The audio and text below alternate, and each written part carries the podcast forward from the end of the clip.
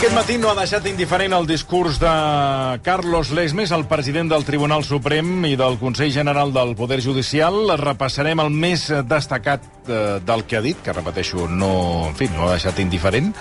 Amb eh, tot seguit, eh, Mònica Folquet. Mònica, bona tarda. Hola, bona tarda. A veure, anem a fer un repàs de, diríem, dels, dels titulars de- d'aquest discurs de l'any judicial. Doncs sí, perquè Carlos Lesmes ha estat bastant contundent, ha exigit a Sánchez i Feijó que acabin amb el bloqueig del Poder Judicial que ha qualificat d'insostenible. Solicito pública y solemnemente al presidente del Gobierno de España y al jefe de la oposición, máximos responsables de los partidos políticos con mayor representación parlamentaria, que se reúnan con urgencia y lleguen a un acuerdo que ponga solución definitiva a esta situación insostenible que acabo de describir. De manera que el Consejo General del Poder Judicial sea renovado en las próximas semanas o, de no serlo, sea restituido en la plenitud de sus competencias, otorgando a esta petición la relevancia constitucional y democrática que realmente tiene y dejando de lado todo interés de partido. Lesmes, davant del rei Felip VI, recordem-ho, ha advertit que una situació com l'actual no s'havia viscut mai. El estropicio es tan grande que no se había producido una situación semejante en la cúpula española en toda la historia de nuestra democracia, con unos efectos tan negativos que se van extendiendo poco a poco a toda la organización judicial.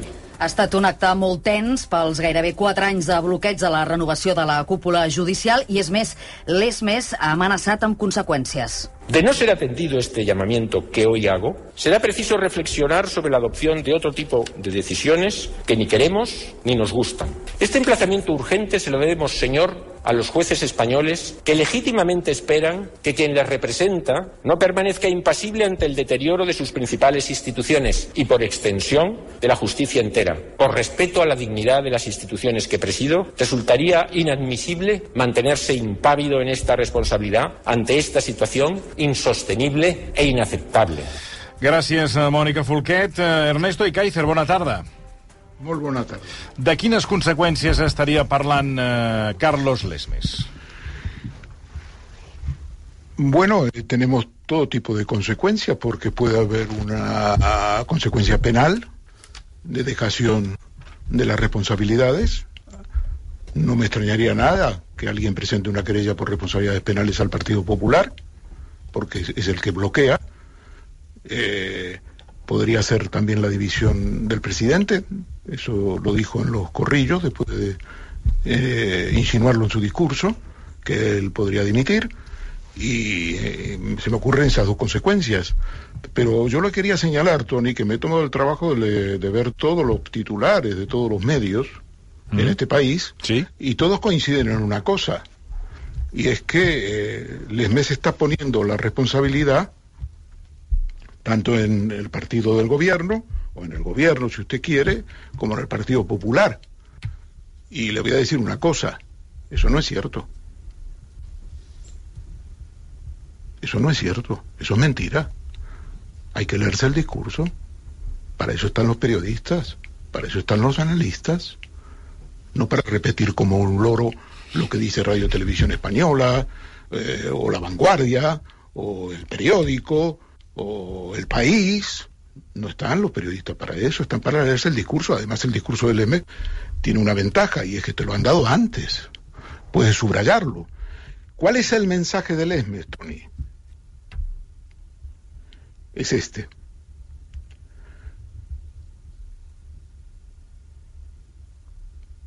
Aunque es evidente que todos estos llamamientos, los suyos en los últimos años, no han surtido efecto alguno, con la grave consecuencia de que la paralización del Consejo se está trasladando a todo el sistema judicial, muy necesitado de impulso y reforma, hoy vuelvo a reiterarlo.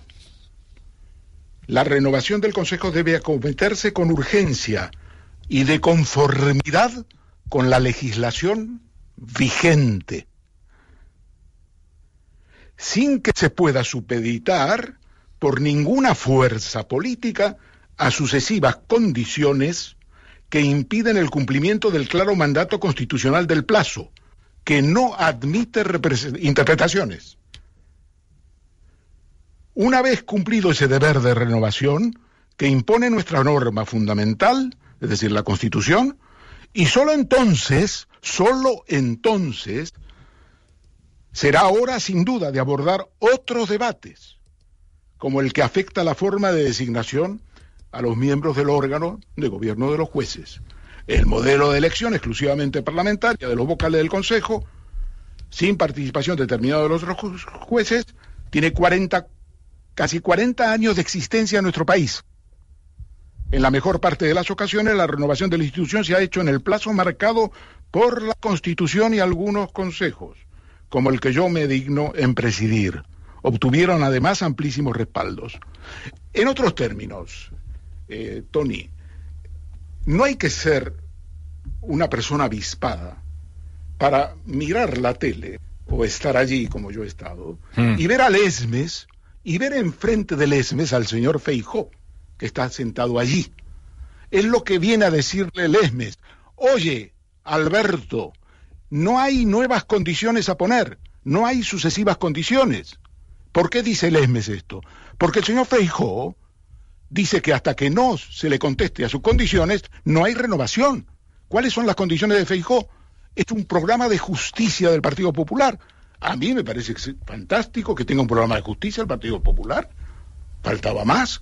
Cuando gane las elecciones, si ese partido gana las elecciones, pues aplicará el programa de la justicia, que son esos 20 puntos que le propone uh, a, a, Pedro Sánchez. Pero eso no puede ser un óbice para bloquear el Poder Judicial desde hace cuatro años, casi tres años y medio.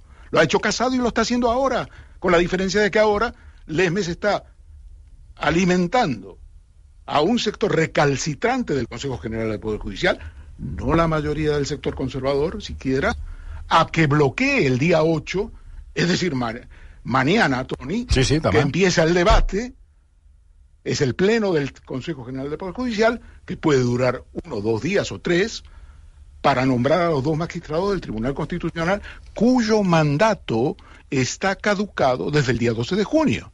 Lo que dice el ESMES es que hay que cumplir los plazos y no la monserga que repiten todos los periódicos me permitirá usted decirlo, porque estoy verdaderamente indignado como periodista, de que se pone por igual las culpas en el PP y en el PSOE.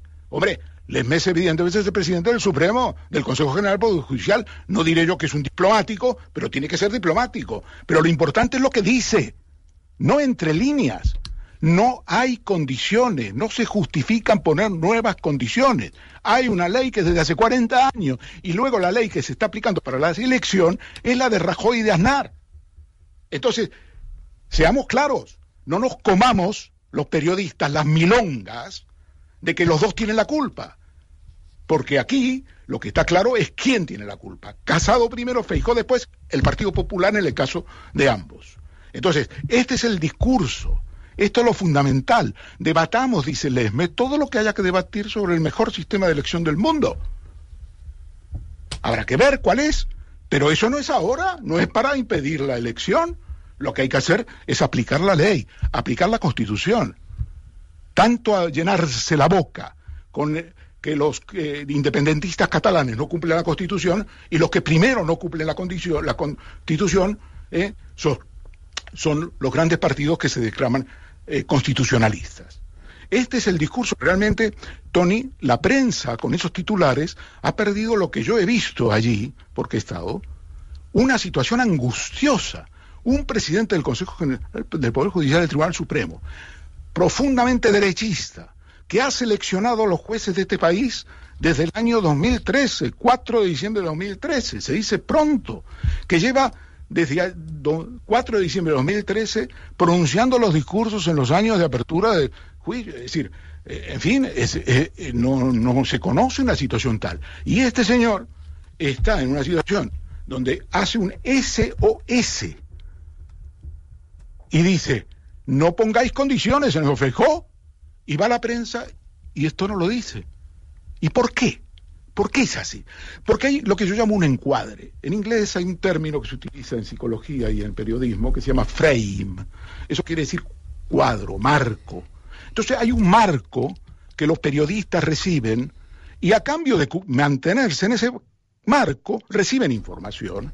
Yo comprendo que estas personas son muy importantes. Yo también conozco personas muy importantes, magistrados, ministros, pero hay que decir la verdad. Hay que, de un discurso de muchas páginas, no puede ser que todos los periódicos, que yo le invito a que lo haga, porque yo lo acabo de hacer, todos dicen lo mismo. El PP y el PSOE tienen la culpa, el PP y el PSOE tienen que resolver. No, señor, aquí está por escrito lo que yo le he leído. Ese, esos dos, tres párrafos vienen a decirle, la culpa la tiene el PP. ¿Por qué? Porque pone condiciones para no firmar la renovación. Y ahora tenemos que renovar el constitucional y el Consejo General del Poder Judicial tiene que nombrar dos candidatos. Dice el Lembes que no le gusta la ley, ¿eh? la nueva ley que mm. aplicó el gobierno enmendándose a sí mismo. Dice él, pero él quiere cumplir la ley, porque el Consejo General del Poder Judicial tiene las facultades ahora para nombrar dos magistrados. Y un sector apoyado por Feijóo se está envalentonando diciendo que no quiere. Hay otro sector conservador que sí dice que hay que cumplir la ley. Entonces, ¿qué es lo que va a pasar aquí? Clar, perquè això, repetim, recordem-ho, és demà ple del Consell General del Poder, eh, del Poder Judicial per intentar substituir aquests dos magistrats del Tribunal Constitucional. Què pot passar demà? Bueno, lo que va a pasar es muy sencillo, porque como esto va de esto va de salvar la cara, tendrá que haber nombramientos. Pero el problema es que el gobierno ha fijado la fecha del 13 de septiembre. Entonces, como en la escuela, el sector conservador finalmente va a elegir el suyo, el sector progresista elegirá el suyo, pero no lo harán el 13, para darle una patada en los C al señor Sánchez.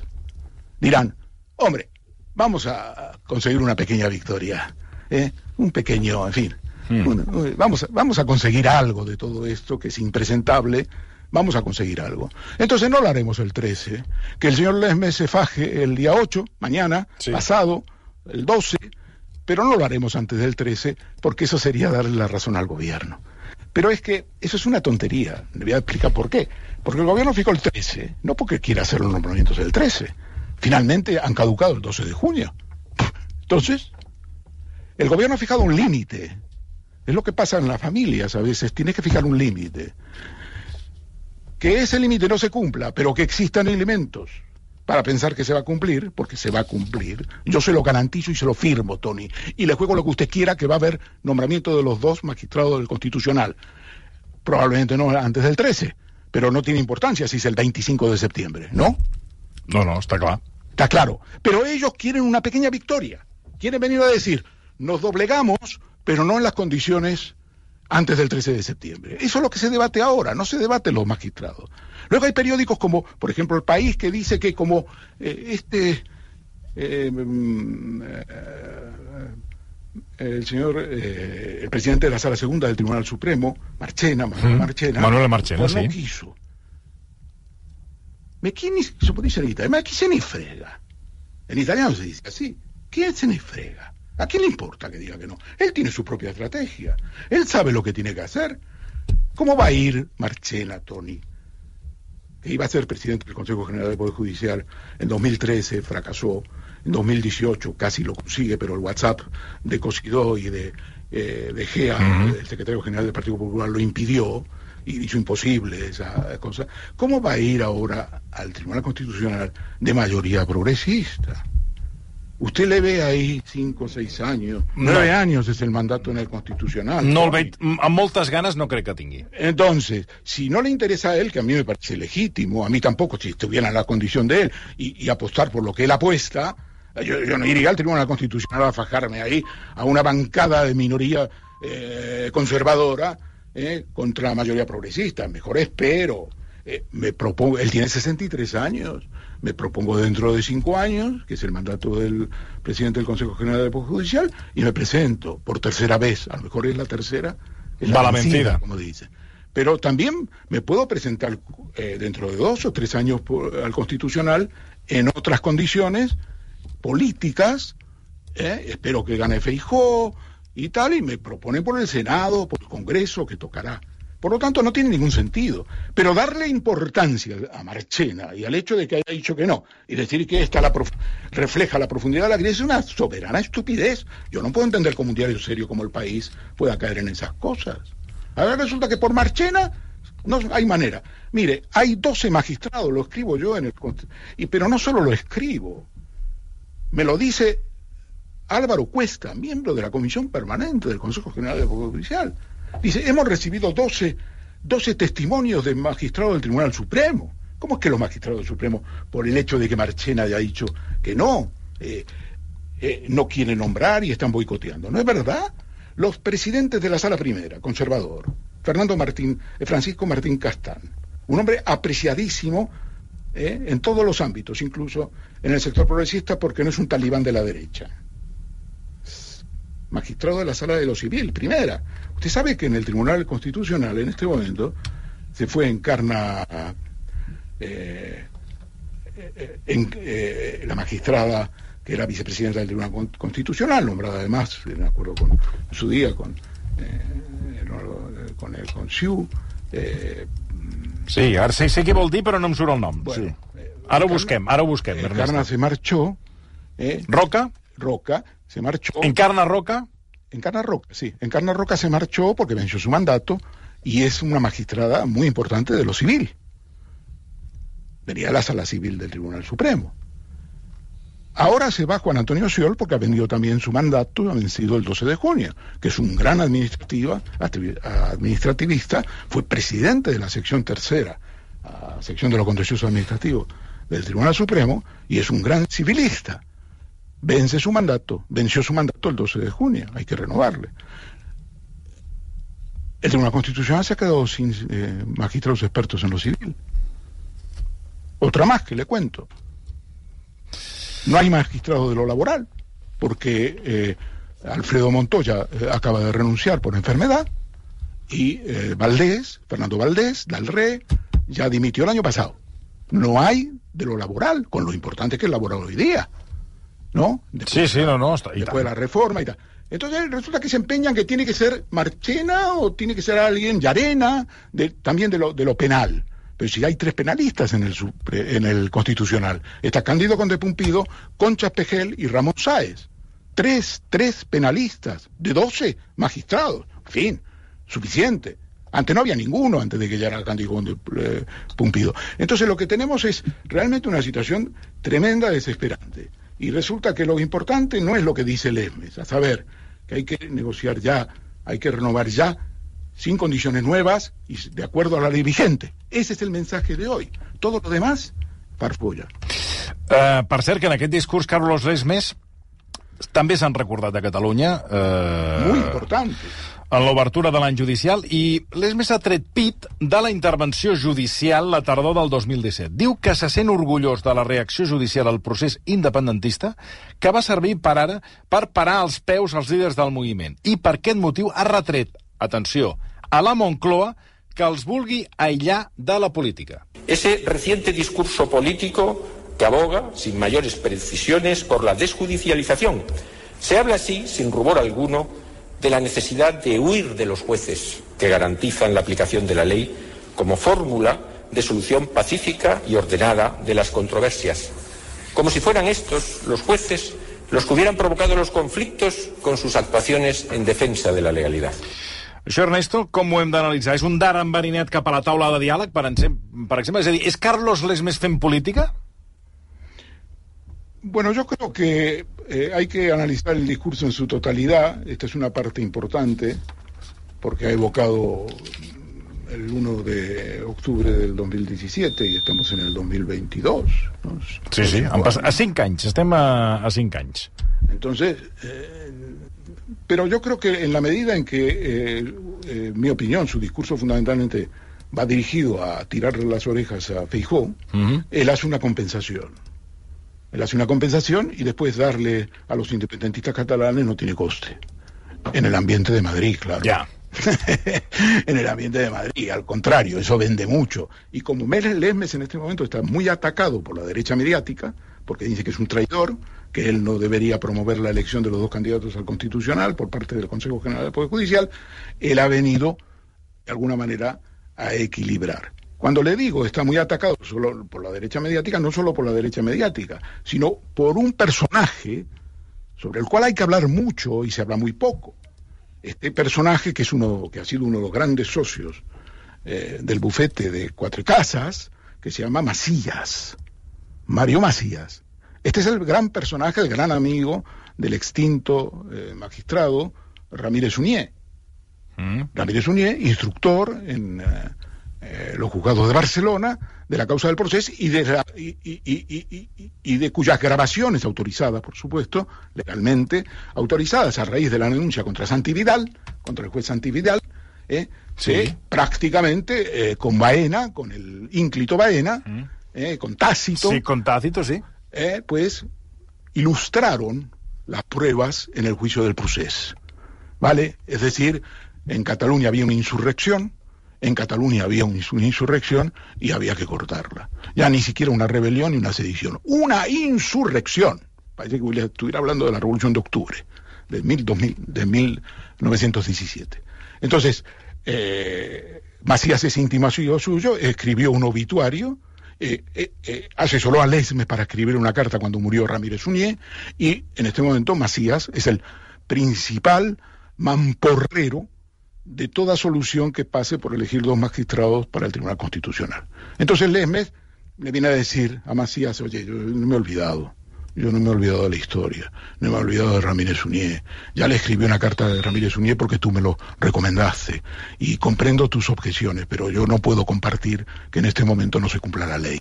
Entonces hay que entender eso. ¿Que es un ataque a la mesa de diálogo? Bueno, la mesa de diálogo es la mesa de diálogo. No porque Lesmes intente atacarla se va a suspender. Otra cosa es que discutamos en algún otro día qué perspectivas tiene esa mesa de diálogo, en las cuales yo no creo. De moment ja ha quedat posposada, en paraules de Pere Aragonès, cap al, eh, cap al 2024. És a dir, que aquí dia passa, any empeny i anem, eso, ja, eso, ja anem directes a, a, les, claro. l'any electoral. Claro, lo que quiero decirle es que eh, el ESMES utiliza el, el tema del 1 de octubre del 2017, la defensa... Vol dir que li surt de franc. Eso. ¿No? Uh, Porque no le cuesta nada. Clar, clar, no tiene, estamos hablando de la historia, Toni, sí, ha passat sí. cinc sí, anys. Sí, sí, i tant, i tant, sí, sí, sí. Escolti, Ernesto, eh, ens eh, volia com parlar de l'obra, d'aquestes coses que passen, que són, en fi, que és eh, marca Espanya, d'una obra de teatre que es diu Jubileo, que és el debut com a autor del president del Tribunal Constitucional, Pedro González Trevijano, però ell és l'autor. Sí, es el autor de un libro que se llama El dedo de Dios, la mano del hombre. Esto me lo mandó Pedro, Pedro eh, González Trevijano, quien conozco, mm. eh, me lo mandó cuando yo estaba en el hospital, eh, recuperándome del COVID. Ya en la, en la última fase me escribió un WhatsApp para preguntarme cómo estaba y luego me mandó el libro, eh, estaba muy entusiasmado con la publicación de ese libro, es un libro donde de alguna manera pues él aparece como un filósofo, un experto en filosofía. Y, eso fue en el año, si mal no recuerdo, en el año 21. Yo estaba todavía en el M'agrada, perdoni, eh, de la manera que ha dit finalment, aparece como un filósofo. Sí, él pretende de alguna manera como un filósofo, como usted sabe, sí, sí, claro. hace pocos días, que la, los jueces son conservadores porque la justicia es conservadora. Eso es una estupidez, eh, con todo mi respeto pero es una estupidez en el sentido, no, no lo digo displicentemente. No, no. La Constitución española es una Constitución activa. La Constitución activa, la Constitución española es una eh, Constitución donde proclama el Estado de Derecho eh, democrático y social, donde establece conquistas y derechos, como por ejemplo el de la vivienda digna. No es una Constitución conservadora en el sentido eh, clásico hablando, es una Constitución que no está muerta, es activa Usted me dirá, pero eso no se cumple. Bueno, eso es otra historia. Ah, depende de la correlación de fuerzas. ¿eh? Muchas veces pues, eh, se consiguen eh, sobre la base de las movilizaciones de los movimientos anti, antidesahucio, pero quiero decir, hay una constitución que te permite decir que es una constitución activa, por lo tanto no, no es simplemente conservadora. Entonces, lo que dice Pedro González Trevijano de que todos los jueces son conservadores, pues no, pues no, pero bueno, esa es su concepción y esa es la concepción que ha aplicado, por ejemplo, en el tema en los temas eh, constitucional absurdo de decir que aquí en España había que haber declarado el estado de excepción para combatir la COVID. El estado de excepción para combatir la COVID. Como si no hubiera una ley, que es la que se aplicó del estado de alarma, que específicamente preveía, no es que fue un invento, el alarma sanitaria, una epidemia o una pandemia. Entonces, desde ese punto de vista no es que eh, el derecho sea conservador. El problema es que Pedro Tribijano, él cree que lo que es él lo son todos y que son todos conservadores y son los que mandan. Como bien decía, eh, en el sentido de reflejar la realidad, eh, Enrique López, en una famosa entrevista en el diario La Razón, la justicia es del PP la mayoría de los jueces son del PP, apoyan al PP, no me acuerdo exactamente la frase. Pero es que eso es, es que Entonces, ¿qué pasa? Eso es una tontería. Entonces ahora resulta que Pedro González Trevijano, que va a dejar de ser en algunas semanas presidente del Tribunal Constitucional, y será habrá un nuevo presidente, que yo creo que va a haber una batalla, porque este Pedro González Trevijano, que ha escrito El dedo de Dios, la mano del hombre, pues eh, cree realmente que el dedo suyo es el dedo de Dios aunque sea un breve periodo el que está en el Constitucional, porque está desde primeros de año o finales de año pasado, ¿eh? transitoriamente. Mm, entonces, eh, cree que realmente él es el dedo del Dios o el dedo del presidente del Constitucional, y fíjese la segunda derivada de la crisis eh, de nombramiento de magistrados en el Tribunal Constitucional, que yo lo doy hoy en exclusiva en el periódico, y es la segunda derivada, si efectivamente se nombran los magistrados, como yo creo que se van a nombrar, es el cambio de mayoría en el Tribunal Constitucional. Por, primera vez en muchos años, la mayoría será progresista. Le guste a usted o no el término progresista, no entro en eso, pero usted me entiende lo que yo quiero decir. La mayoría será de un sector que no es el sector tradicional conservador. Uno puede tener discrepancia, pensar que no son lo suficientemente avanzados, que son eh, que tienen prejuicios contra Cataluña, todo eso es lícito, pero es un sector que convencionalmente conocemos como un sector progresista y eso va a cambiar una vez que nombre el gobierno los magistrados y otro y el Consejo General de Poder Judicial. Entonces, fíjese lo que está haciendo eh, el dedo de Dios, es decir, de Trevijano, cuya obra está ahora hasta el 17 de septiembre en uno de los teatros importantes de Madrid. Eh, una obra que se basa en su texto. Sí, sí, es que y que además él ayudado a montar.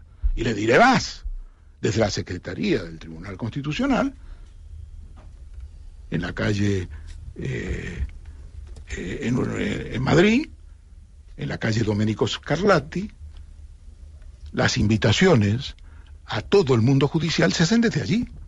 Resulta que, Tony, hace 12 años que el Partido Popular recurrió la, presentó un recurso de inconstitucionalidad a la ley del aborto. Pedro González Trevijano dijo que se iba a resolver en mayo.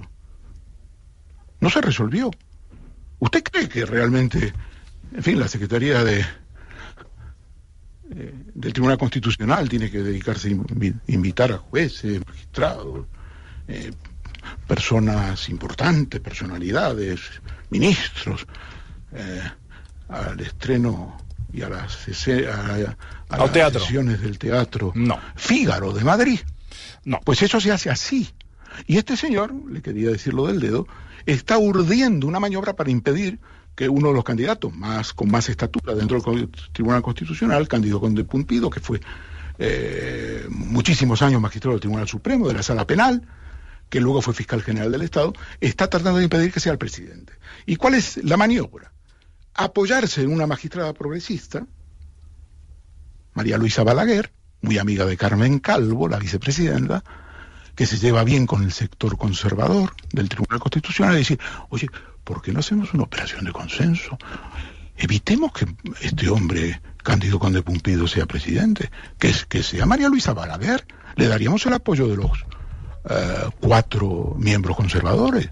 Y de esa manera, pues sería una candidata de consenso. Es decir, lo que busca es debilitar a la próxima, al próximo presidente o presidenta del Tribunal Constitucional, dándole los votos de consenso para impedir que Candido Conde Pumpido, que es visto como ellos, como la bestia negra, hay que hacer todo para matarlo, ¿eh? sea el próximo presidente.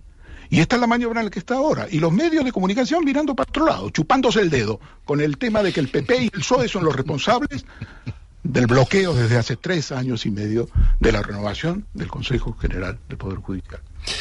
Ernesto i Kaiser, moltíssimes gràcies, com sempre. Una abraçada i gràcies per obrir-nos altres angles del que és el dia a dia i l'actualitat. Una abraçada molt abraçada forta. forta per Gra tot, tot, és, tot. Gràcies, Ernesto. Cuida't, una abraçada. Ara tornem dos minuts i obrim els tàpers amb els tàpers d'aquí, de la redacció, sí, amb Guillem Estadella. Ara entrem en matèria.